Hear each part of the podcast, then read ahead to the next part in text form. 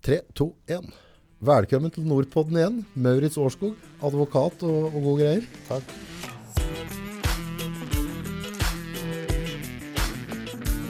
Takk for at du tar turen i dag òg. Dette blir Jeg gleder meg hver gang du skal komme. For det blir bare mer og mer spørsmål, da. Ja, nei, det blir bedre og bedre, får jeg håpe. Ja, så jeg setter veldig pris på det. Det er veldig gøy. Det er mye, mye spørsmål som kommer inn til oss nå. Og minner folk på at det går an å slenge på spørsmål i kommentarfeltet eller på innboksen vår. Hvis det er ting dere ønsker å spørre mer ut om. Så skal han eh, svare ut av beste evne på det. Men det er klart, det er jo, du blir jo angrepet fra alle kanter her. Det er jo liksom ikke ett spor, da. Det, du blir sånn veldig sånn allmennadvokat, går det an å si det? Ja, det, det skal vi håndtere. Det ja, det skal vi håndtere. Et spørsmål som jeg har fått, uh, fått fra noen eh, folk her. Uh, det har vært en del debatter på det rundt på sosiale medier, og for så vidt i aviser. Husdyr. Mhm. Når du leier, Ja. hva, er, er det noen sånn, noe tommelfingerregler rundt det? ja, det er det. Eh, både når du leier husrom, eh, og når du eier i f.eks. et eierseksjonssameie eller et borettslag. Ja. Eh, og reglene er eh, ja, egentlig ganske like, men vi kan ta um, leieforhold først, da. Ja.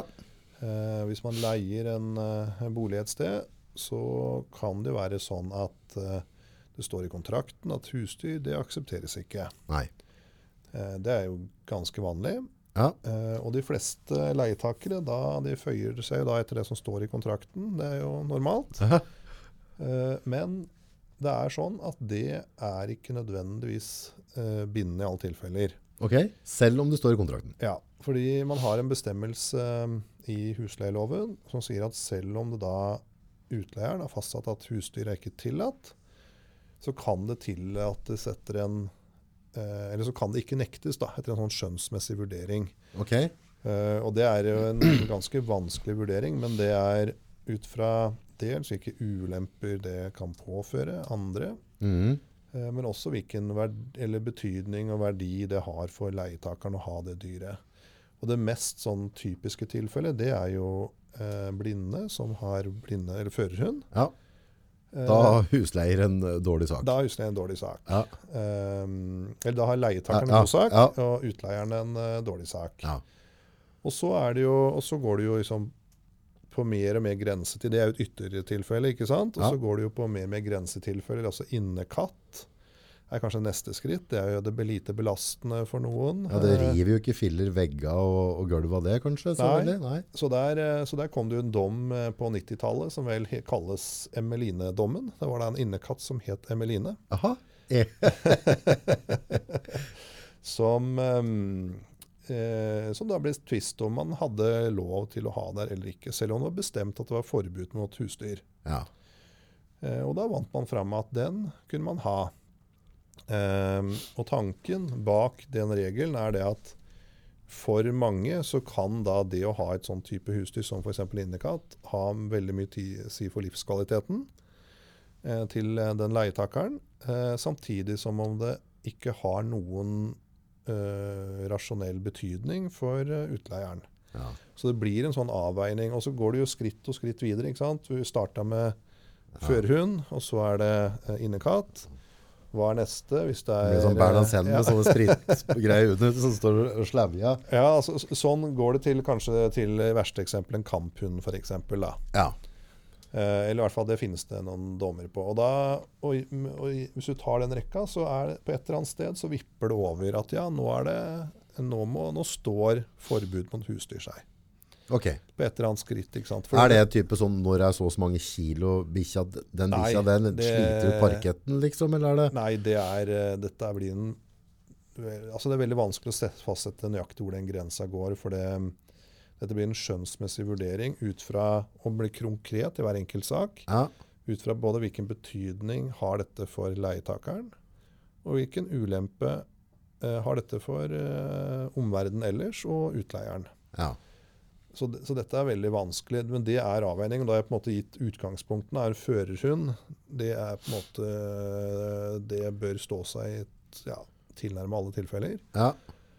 Innekatt, eh, det kan også kanskje stå seg. Og så går du videre og videre. Og så har vi også en del dommer på f.eks. kamphunder, som da kan være farlig for omgivelsene. Ja. Ja, for da går du med på omgivelsene rundt naboer. Ja.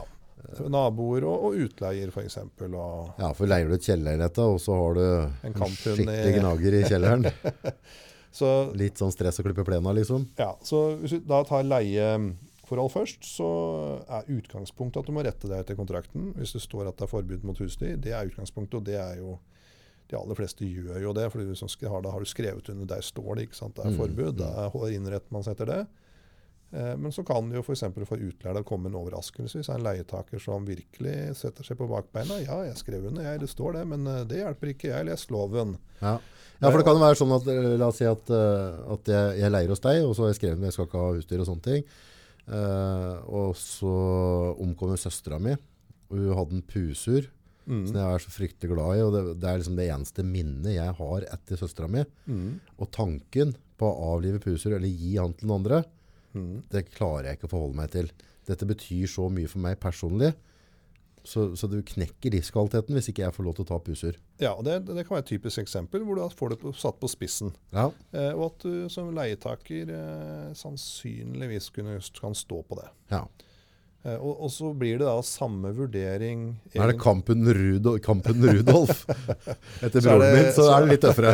Det er mulig det kan være like mye eh, emosjoner da, men det er nok litt vanskeligere. ja. Ja. Og så blir det noenlunde samme vurdering i borettslag hvis du er andelseier i et borettslag, eh, eller hvis du er sameier i et eierseksjonssameie. Mm. eh, og borettslag eller sameie har fastsatt at det er forbud mot uh, husdyr, så er det samme vurdering der også. Ok, det er et forbud, man må akseptere det. Det er det utgangspunktet at det gjelder. Mm. Eh, men loven sier at ikke nødvendigvis. Altså det kan bli satt til side. Ja. Og da er det akkurat samme på en måte grensedragningen som jeg har dratt opp nå mm. som må gjøres konkret i hver enkelt sak.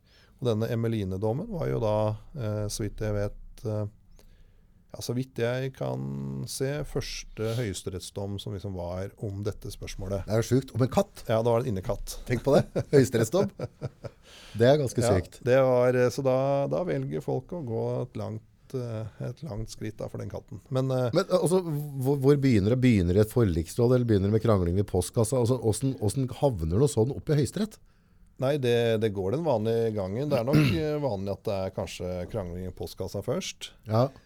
Og så er det litt sånn gnisninger da, mellom disse naboene. Og, og, så, mm, og så blir eh, f.eks. hvis det er et borettslag, så blir kanskje styr, noen eh, andelseiere går på styret og sier at nå må dere gjøre noe med dette. Det står jo i, Mm, i våre vedtekter at her er det forbud mot dyr. Og så er det en nedi gangen her som eh, egentlig gir litt blaffen. Og så går de til en advokat, og så kan du starte en prosess som, eh, i forliksråd eller tingrett, og så går dette oppover. Så det er mulig, men det er klart Det det blir er, veldig kostbart. det er jo den katten blir dyr, da. Ja. Det, det gjør det jo sånn. Men, men det finnes eksempler på det. Ja. Det er det. Og det, dette det, handler jo om at kjær...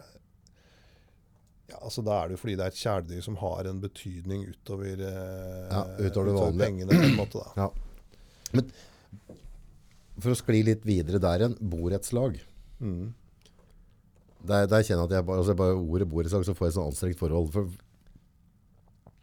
ja, da bare skyter jeg i vilden sky her. Ja, Men ofte styret i borettslag da, ja, er uh, ofte besatt av mennesker som uh, har litt bedre tid enn den som jobber fulltid og litt til, uh, og har veldig god energi til å starte prosjekter. Det er, det er sånn der, du får tredd over huet. Nei, nå skal vi ha ny hekk, liksom. Dette skal vi grave, til, må bare være med og betale. For det har vi bare funnet ut i borettslaget nå, at nå, nå skal vi reie minigraver, vi skal sette hekk, og her må ting, du må være med på dugnad. Og så kan du si at, ja, men dette var helt ålreit som det var. Ja, men dette er bestemt. ja, det er jo, ja det, sånne situasjoner kan sikkert oppstå. Det er jo Styret har jo en har jo en viss myndighet. Ja. Eh, Og det jeg også har forstått har skjedd i Oslo, er at styret, hvis du da leier ut leiligheta di, og du er bortreist, du, du har ikke noe interesse, mm. så gir du din stemme over til styret. Så det, jeg pratet senest med en som bodde i Oslo der, som ble utgangspunktet overkjørt av styret. For styret har da fått stemmene, for det var, halvparten av de leilighetene var leid ut av folk som har kjøpt dem og spekulert i dem. Og så satt igjen noen der som da eide leiligheta og bodde der, men så satt de på styret med da stemmeretten til Ja vel, ja, altså Sånt har jeg ikke vært borti før. Nei. Men uh, Jeg skal ikke utelukke at det kan være sånn, men uh, det har jeg ikke, sånt har jeg ikke hørt om. Men, men i borettslag så vil det jo kunne oppstå interessemotsetninger. Eh, og da har man jo som utgangspunkt eh, eh, flertallskrav på generalforsamling. ja, Og så- men så har man altså regler om såkalt myndighetsmisbruk. Da, at selv om man er i flertall, så kan man på en måte ikke treffe beslutninger som i for urimelig grad da, er belastende for noen. Nei. Så det er et, det er et velutvikla regelverk rundt det. Men eh, at det kan oppstå mye konflikter, det, det er klart. Du ser, er det Narvestyle? Altså det, det er jo, vi har jo noen sånne serier. Ja, Det kan jo fort bli sånne personer som tar de der rollene òg, da. ja det kan det. Jeg, skal ikke uttale meg om egentlig hvem som Nei, nei, nei, ta sånne styreverv. Men, uh, Jeg får stå for det, jeg da. For jeg tar julinga for det. men uh, nei, altså, det må jo forvaltes. Ja, det er jo en jobb. Da. Uh, og det er et ansvar. Og det man ser i sånne saker, er jo at det, det man i hvert fall kan si, uten at jeg skal uttale meg om hvem som tar verv, så er det jo sånn at veldig mange som tar verv i f.eks. eierseksjonssameier og borettslag, de er på en måte ikke vant til å ha eh, denne type verv. På den daglige driften i et borettslag kreves det kanskje ikke så mye, men så ofte så skal jo borettslagene gjennom store renoveringsprosjekter. Mm. Eh, det, og, ja, som et eksempel, hvor det er veldig mye penger inne i bildet. Det er kontrakter, det er eh, ja, egentlig veldig mye som står på satt- spill. Satt i situasjoner de ikke er vant til, og, og, Ja. og forholde seg til entreprenører som skal prise på ting og ordne og styre. Og, Ja, så det, er, det har jeg jo flere eksempler på nå. Eh, eller saker som jeg har Nå annet så har jeg sak for da et eh, eierseksjonssameie. mm. eh, som eh, da skulle eh, legge nytt tak eh, og engasjere en entreprenør. Eh, det er jo et uh, prosjekt til noen millioner, ikke sant? Eh, Det er ikke noe stort sameie, så det er ganske Ja, så det er en del. Um, og så og så er man kanskje ikke vant til uh, å liksom lese kontrakter og sånn, og da kan det jo fort uh, ja, oppstå vanskelige situasjoner. Da. Så, så det man ser, er jo kanskje at den, van, den daglige driften av borettslag og sameie, det, det går på det jevne. ikke sant? Men når man kommer opp i litt sånn ekstraordinære situasjoner, så kan det av og til være klokt å kanskje engasjere noe Det koster på seg å engasjere litt bistand, da. ja. ja, for det kan være lurt. Da, og det, det er jo det er mye penger, da. Ja, sånn særlig byggeprosjekter. Enten at det kan være advokat som ser på kontrakten, eller at det kan være en byggeleder som følger opp et byggeprosjekt. Mm. For det ser man jo mange eksempler på at eh, Nå skal ikke jeg snakke negativt Nei, nei, nei. om aktører i byggebransjen, men det man ser ofte at uh, hvis Man skal prøve, altså man ser noen eksempler noen prøver å være litt lure, og da, da kan jo typisk sånne styrer i et borettslag bli ansett som et litt lett bytte. Da, ikke sant? ja, klart det. Hvis man skal prøve å få til litt ekstra. Ja, dette er jo sikkert en ganske slippery slope det òg. for det, hvis da vi bor i et borettslag sammen, og vi skal legge nytt tak, så er det på en måte søskenbarnet mitt, han driver med tak. Vi får et, uh, vi får et pristilbud av han. Ja. Eh, Så kanskje du sitter etterpå, var dette helt riktig liksom? Og så, Ja, og da er vi igjen til noe vi snakka om en gang før. Eh, de, vet ikke ofte hva de får. og Er det et pristilbud, Ja. er det et prisoverslag, eller er det en uforpliktende prisantydning? ja, Eh, og hvis man ikke har vært borti dette før, så er jo ikke et, eh, den gjengse styremedlem i et borettslag kval, kvalifisert til å egentlig bedømme eller forstå da de forskjellene. jeg sendte et prisoverslag. Gjorde du det? Ja. Ja, det er det. ja, nei, det, det, det Så jeg var litt nøye på ordlyden Ja. der. Men jeg føler meg veldig trygg på det. Altså, det er ikke stor jobb, og jeg føler meg veldig trygg på at jeg er innenfor på den prisen. Ja, Uh, Men så har jeg noen variabler i forhold til med kjøring, for det er et stykke unna. Så det kan kanskje variere på noen timer. Så da tenkte jeg liksom, i stedet for å klemme til pristilbud, så tok jeg prisoverslag. ja, eller du skulle kanskje tatt også en prisantydning. Ja. Så hadde det stått enda friere. I hvert fall hvis du har et håndverker. da. Ja. Så mm, Jeg følte meg ganske trygg på den, da, men da, da vet jeg liksom, da har jeg, kan jeg liksom plusse minus noen timer hvis det jeg tror, jeg tror jeg skal slippe det der. Jeg pleier som regel å treffe på prisene mine, men mm, eller at jeg, i hvert fall, jeg liker å stå for dem. da. Ja. Har jeg sagt en pris, og så ok, taper jeg litt på, så får jeg bare gjøre det. Så får jeg lære til neste gang. Sånn er det vel med de fleste. Nei, men det, For å ta dette med eh, borettslag, så er det, der oppstår det mye. Eh, og dette med husdyr. Det er, men det er sånn typisk problemstilling i borettslag som liksom irriterer mange, og så blir det en liten sak ut av det. Gneldre Og det er de færreste som havner i Høyesterett, for å si det sånn. Ja. Men eh, den Emelin-dommen er jo et eksempel på at faktisk en sånn type sak Mm. blir drevet helt fram. eh, og opp i vår høyeste rettsinstans, da. Det er sprøtt. Det er Ja. eh, ja. Eh, det kan du kanskje mene. Jo, men for dyr så er jo noen hele livet, da. Også, så, vi Ja. må jo bare erkjenne liksom at uh, hva du føler for, og hva jeg føler. Det er forskjellig. ja. Og noen så er det helt avgjørende for deres lykke. Da. Det er det. Så, nei, så det er en typisk, uh, typisk eh, ja, kilde til, um, til tvister, da. Mm. I borettslag og i leieforhold og i eierseksjonssameie. Mm. Nå er neste spørsmål dette er, og det er jo litt, Der har jo forhold til med Emeline-saken, hva kalte det? Ja. Fri rettshjelp! ja. Altså, hvem er det som har hvem, Hva er grovskissa rundt fri rettshjelp? Hvem har krav på det? Og er det noen Ja. begrensninger her? Hvordan, hvordan funker Ja, dette her? Dette med rettshjelp. Ja, altså dette er jo viktig hvis man skal vurdere å engasjere advokater i ulike sammenhenger. og Da har man jo for det første sånn private rettshjelpsordninger som er forsikringsselskapene. Ja, det var vi inne på ved første podden, var vi ikke det? Ja, Jo. eh, og det er jo noe som de aller fleste har i sine forsikringer, som man kanskje ikke visste om, men som eh, man bør eh, Alle jeg har prata med etterpå, og så bare Hæ?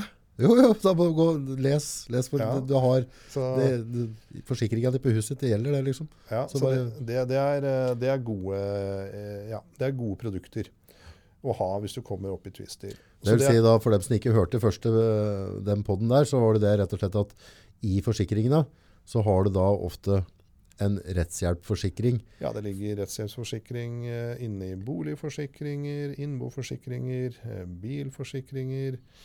Ja, det aller meste. eh, Så har jeg en entreprenør som kommer på tomta mi, og så veiver den i halve huset. Eller veiver den et eller annet, og så tenker jeg sånn, ok, dette koster meg 40 000 å stelle opp igjen. Så vil jeg da, som veldig mange andre tenker på, at ja, skal jeg leie en advokat, så koster det meg sikkert 40 000. Så tar det masse tid. Jeg skiter i det.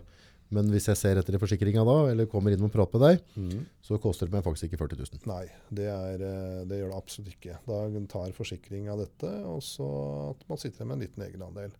Så det er på en måte den private Ja. delen av det man kan Det er jo ikke fri rettshjelp, men det er for forsikringsdekning. Ja. Og så har man den offentlige delen av det. Mhm.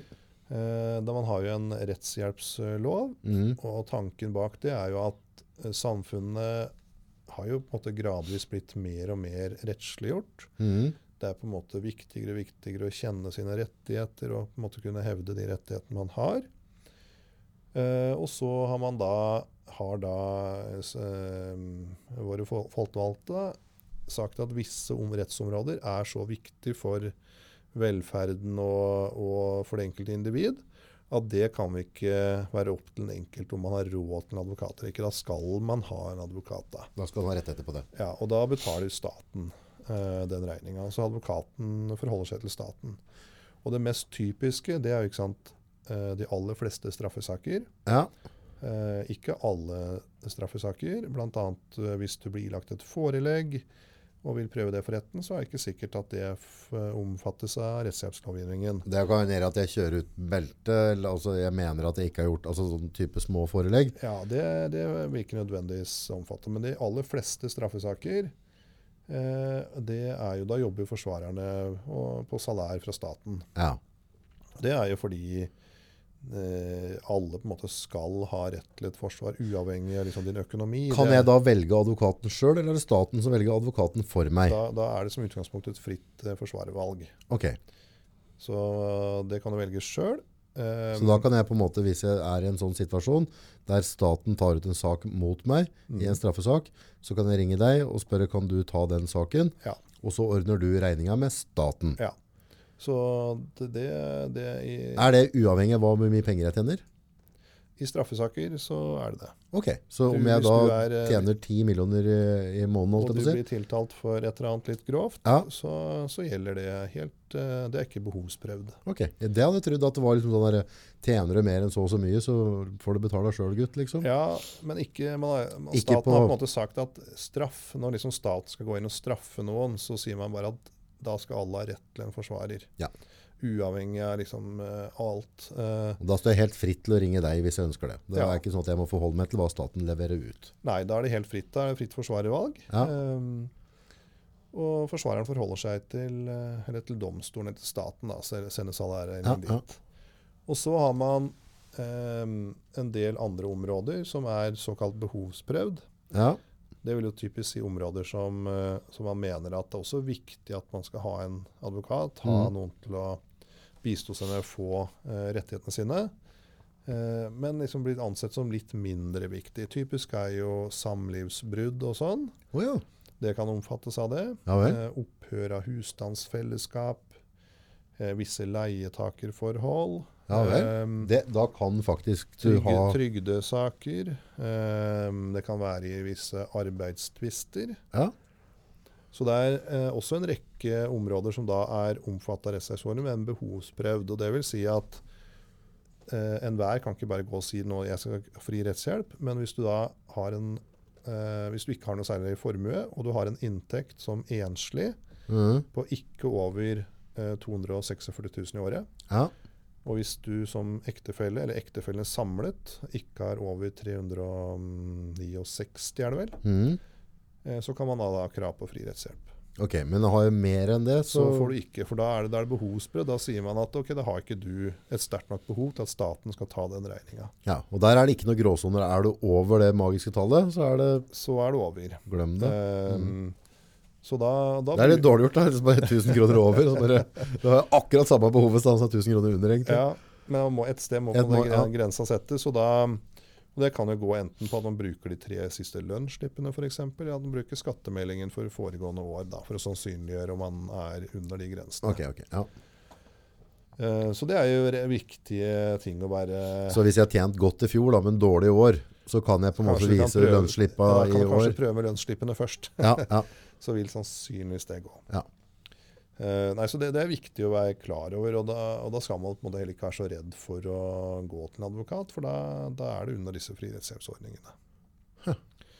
Så det er jo sånn som er um, ja, fornuftig å ha litt kjennskap om.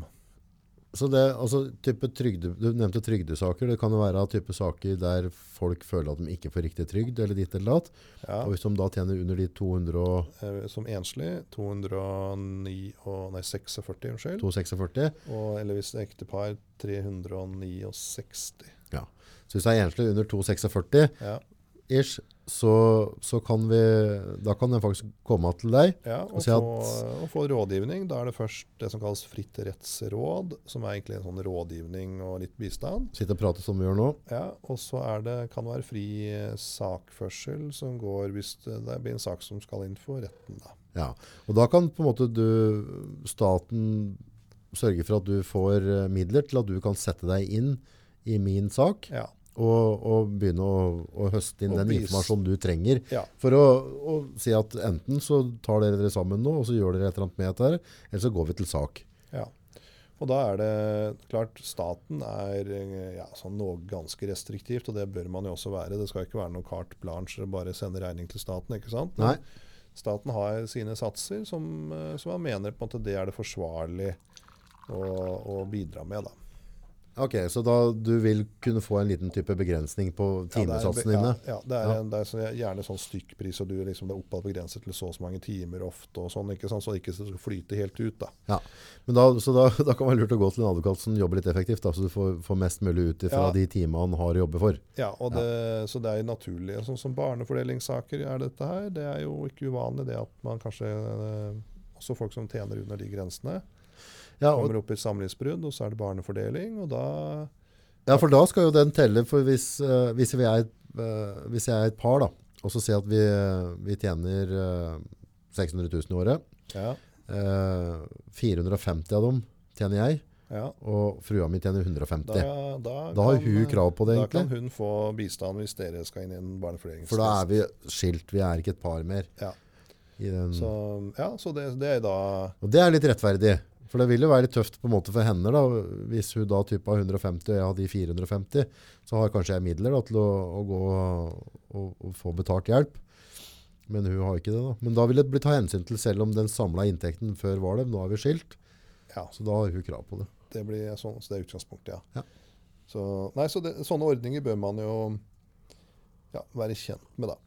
Sånn at man eh, i hvert fall eh, i hvert fall undersøker om man kan omfattes av ordningene før man eh, dropper tanken om å eventuelt ha noe bistand. Mm. Er det andre tilfeller du ser som forhold til fri rettshjelp som folk ikke er klar over?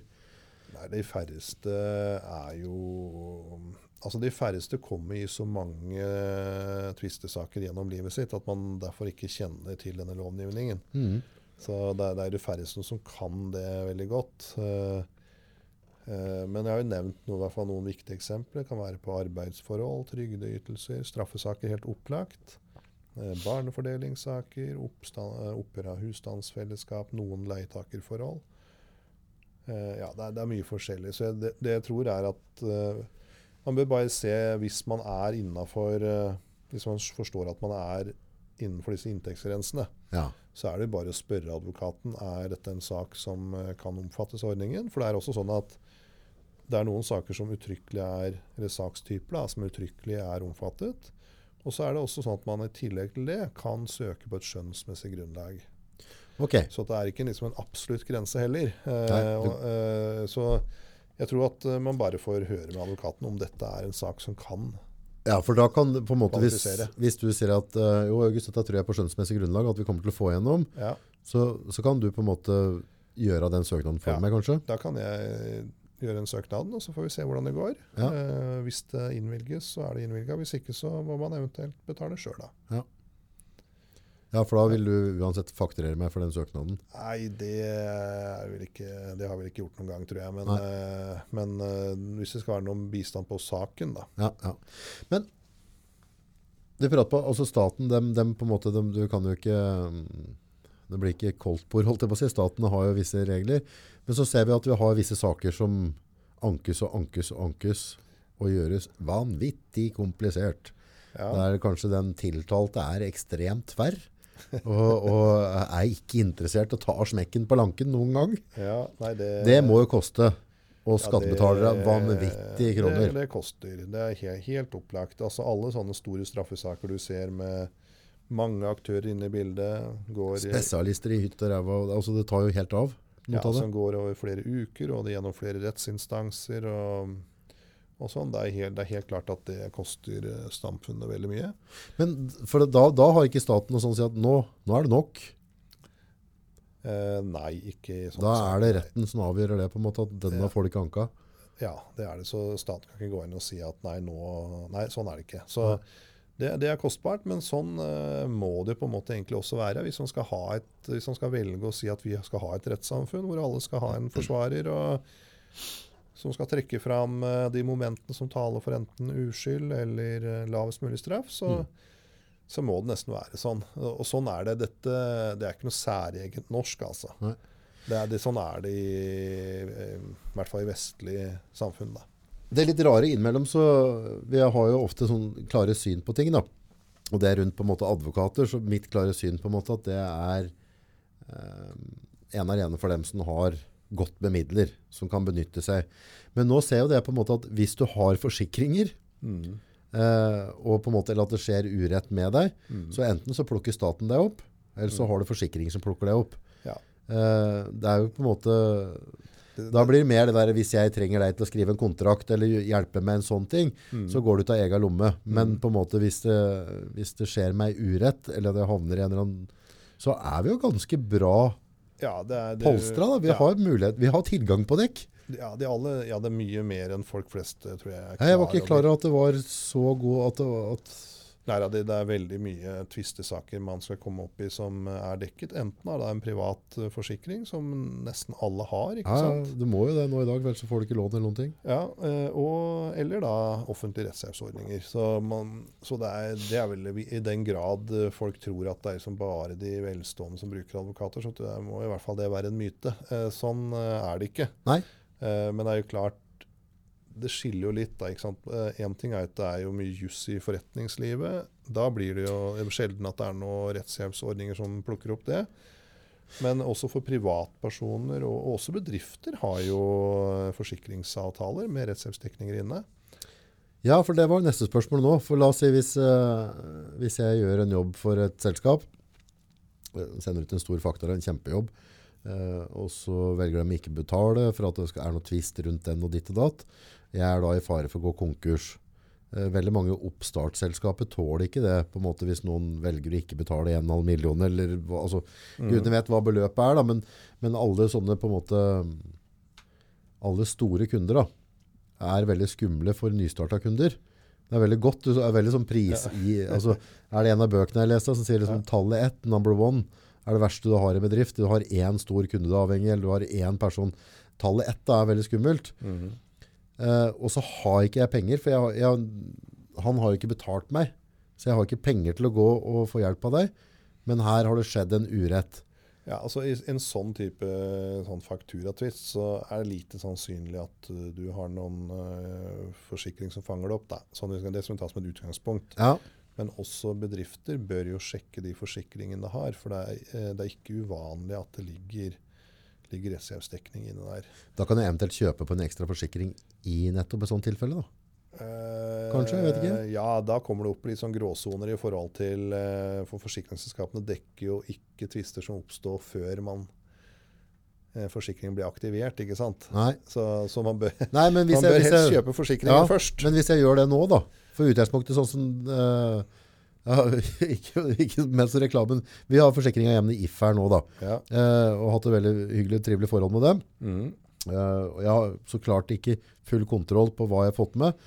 Men nå, nå kjenner jeg noen av dem, så jeg føler at jeg har fått en fin pakke. Mm. Men det kan godt da kanskje jeg skal ringe inn der nå på mandag og si at er, er det en greie jeg bør legge på?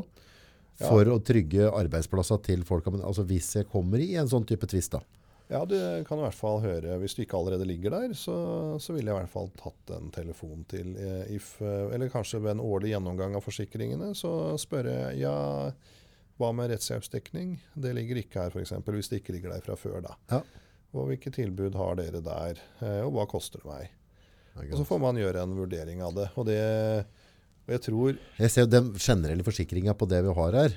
Det er jo ikke sånn kjempehøyt. Jeg syns ikke de er usaklige med oss i månedsbeløpet her. Så antagelig så koster det meg ikke så kjempemasse å ta med den ekstra forsikringa heller. Nei, det gjør det nok ganske sikkert ikke. For å ta et eksempel, da. Altså, nå har jo alle eh, I dag så har jo alle boligforsikringer. Hvis vi tar, nå får vi ta en boligeksempel først. da. Mm. I dag så har jo alle det. Som du sier, det er jo sånn vilkår for lån og Ja, alt sammen. Det må være forsikra.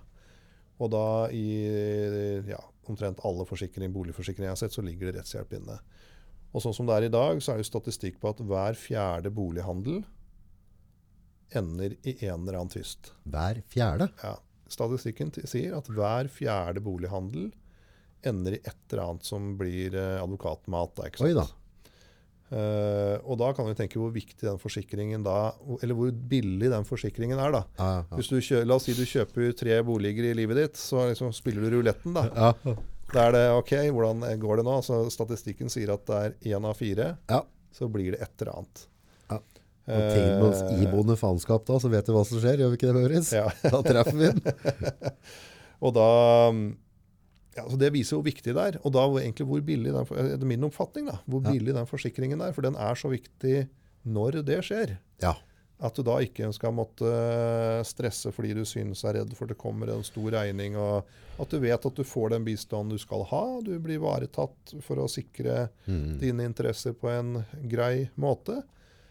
Eh, så Er det ikke alltid sånn at når det skjer, så passer du aldri helt? Det skjer jo aldri nå når liksom du har feit lommebok og du har muligheten til å bare gasse på. Det, jo, det er jo ikke sånn det er. Det passer jo aldri. Nei, sånn, du havner en tvist. Sånn, eh, ja, det er sikkert riktig. Det passer, ja, det, Tvister passer vel aldri for, Nei, nei, det gjør det ikke. for andre enn advokatene, kanskje. Men, uh, nei, men det, det er viktig, altså. Og det er uh, viktig å være obs på disse forsikringene, for du ser, som jeg tok i boliger som et eksempel, liksom, hvor mange bolighandlere faktisk blir tvist. Mm. Og det vil si at uh, Hvis du skifter bolig fire ganger i løpet av livet ditt, så skal du statistisk én gang oppleve en reklamasjonssak. Eh, Og da, da tror du jeg er glad at det da var lå en rettshjelpsdekning inne. Ja. Som du da har betalt lite grann for Ja, ja, ja. gjennom hele livet ditt. Da. Ja, ja. Det er jo ikke 100 000 i året, liksom. Du Nei. må betale. Så altså, det er viktige, viktige ordninger. Det er det. Nei, men det føler jeg at det var egentlig godt råd for uh, lytterne våre så. Og så bare sjekk forsikringen. Og så var Ja. jeg, jeg var ikke klar over at vi var at advokatene egentlig er så tilgjengelige som de er. med tanke på forsikringer og fri rettshjelp. Ja, de er mye mer tilgjengelige enn jeg tror kanskje mange eh, tror. Nei, jeg var ikke i nærheten av å tro at det var, at det var Jeg har ikke tenkt tanken engang. Nei, så Det er ikke advokater, det er for alle. Ja. for å si Det sånn. Ja. Det, det, er ikke noe, ikke noe, det er ikke for de få, det er for alle. Det er egentlig det er lavterskeltilbud å ta kontakt. Nesten. Altså, ja, men det, ja, ja, det kan kanskje lønne seg. Ta en telefon, da. Hvis du er i en situasjon. Ta en telefon. Hør med en advokat. Ja, altså det jeg tenker i hvert fall at Hvis du kommer i en situasjon, så er det i hvert fall gratis og ufarlig å spørre om er dette jeg nå kommer opp i noe som kan fanges opp. Yes. Enten av en forsikring eller av fri rettshjelp. Ja. Og hvis man da får svar at nei, det er det sannsynligvis ikke, så får man da vurdere om man har en lommebok som eh, gjør at man ta, skal ta det likevel. Da. Men hvis det er noen, en eller annen byggetvist, et eller annet opplegg, ønsker at, at, øh, ønsker at, nå ønsker at Møri skal se på den saken, hva, hva bør den personen ta med inn? Altså, hva bør han ha foran seg når han ringer deg, eller kommer inn? Ja, altså I sånne saker så er det hvis det er byggetvister, så er det typisk kontraktsgrunnlaget, hva som har vært av fakturaer. Hvis det ikke er innhentet takstrapport, så vil jo jeg være noe av det første man gjør. ikke sant? Innhentet. er det sånn type forsikringsbevis, etter at du kan gå gjennom og, og stadfeste fortløpende? Når du tenker litt om forsikringer? Ja, eller om hva altså- som blir dekka? Altså Det gjør jeg veldig enkelt. Altså Når man da henvender seg til meg, så ber jeg bare om å få forsikringsnummeret og navnet på det forsikringsselskapet man har. Så er det bare å ta en telefon inn og avklare eh, hva som ligger der. Det, det er sånn, Så mest sannsynlig dagen etterpå så har jeg svaret fra deg. Dette kan jeg hjelpe deg med, eller ikke. Ja, dagen Eller, altså, du kan hjelpe uansett, men dette får du, Sannsynligvis så tar jeg det allerede. Ja, det går veldig veldig fort. Ja. eh, For å få et svar fra forsikringen på om dette er noe som kan dekkes. Og så må du ha en formell dekningsbekreftelse. da. Ja.